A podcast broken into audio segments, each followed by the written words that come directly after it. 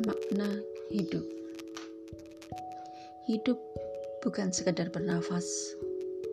Hidup bukan sekedar bagaimana kita mengenyangkan perut. Hidup bukan sekedar bagaimana kita mencari kebahagiaan. Bagi seorang muslim Kehidupan hanyalah sebuah persinggahan di mana akan ada tempat yang lebih indah untuk kehidupan berikutnya. Tatkala seseorang memahami dari mana dia berasal, untuk apa dia berada di dunia ini, dan pada akhirnya kehidupan kita akan bermuara di mana, maka pada saat itulah dia akan menentukan langkah yang akan dia ambil dalam menjalani kehidupan ini beserta menyelesaikan seluruh problematika kehidupan yang dihadapi. Senang susah, sulit ataupun tidak, tergantung bagaimana cara kita memandang kehidupan ini. Allah Subhanahu wa taala telah mengingatkan kepada kita A'udzubillahi minasyaitonirrajim. Wa ma khalaqtul jinna wal insa illa liya'budun. Sadaqallahul azim.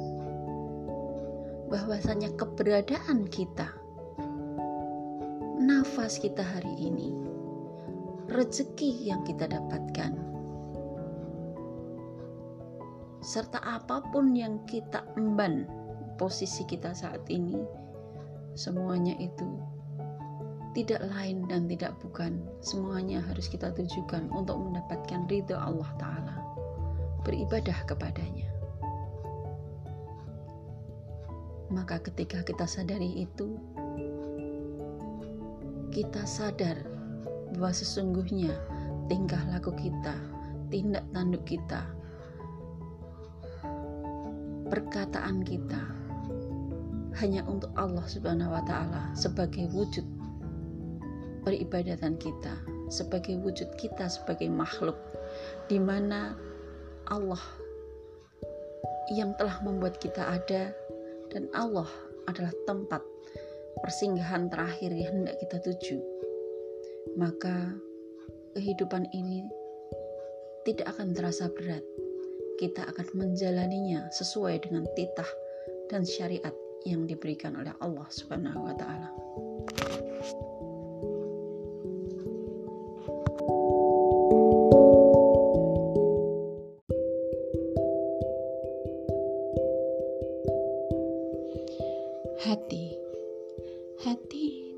Diibaratkan pisau bermata dua. Bisa menjadi jalan menuju ketaatan. Bisa menjadi jalan menuju kepada kemaksiatan. Barometer kondisi hati kita terlihat pada anggota badan kita, pada seluruh raga kita. Bagaimana kita bersikap, bagaimana kita bertutur kata Dunia ini ibarat sebuah kebun yang akan kita petik di akhirat nanti. Sedangkan hati kita ini adalah ibarat bumi. Iman yang ada ibarat benih yang kita tanam. Dan ketaatan itu adalah penggemburan tanah, penyiangan, pengaliran sungai, serta penyiramannya.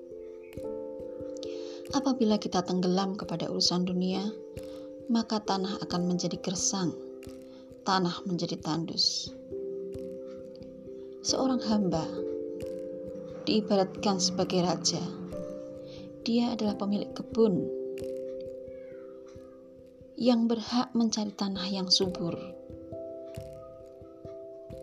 Boleh memilih dan menebar benih yang dia mau apakah dia akan memilih benih yang baik atau benih yang buruk? Yang akan memupuk tanamannya dengan sesuka hatinya. Apakah dengan pupuk yang paling baik atau pupuk yang biasa-biasa saja?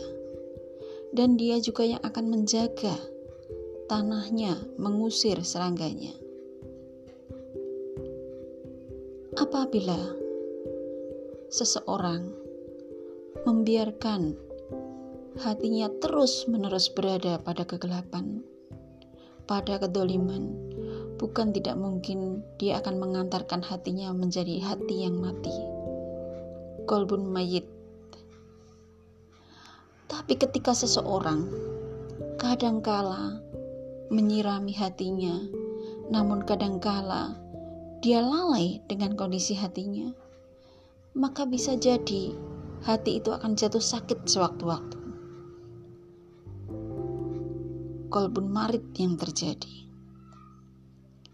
Tetapi apabila setiap orang hamba senantiasa menjaga hatinya, memilihkan benih yang terbaik, memupuknya, kemudian menyirami terus-menerus, menghilangkan segala gangguan yang bisa merusak dan mengotori hatinya, maka akan sangat mungkin hati kita akan menjadi kolbun salim.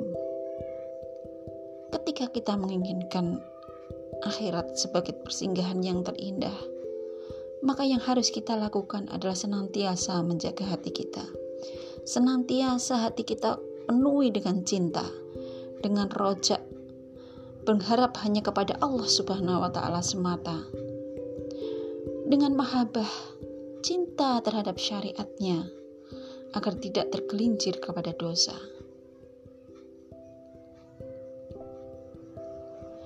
Dan juga senantiasa kita memiliki rasa khauf, takut terhadap adabnya, sehingga hati kita kita pagari sebisa mungkin, agar hati kita tidak terserang dan tersekotokri oleh perkataan-perkataan yang buruk oleh pandangan-pandangan yang buruk, oleh hasad, oleh iri, dan oleh dengki.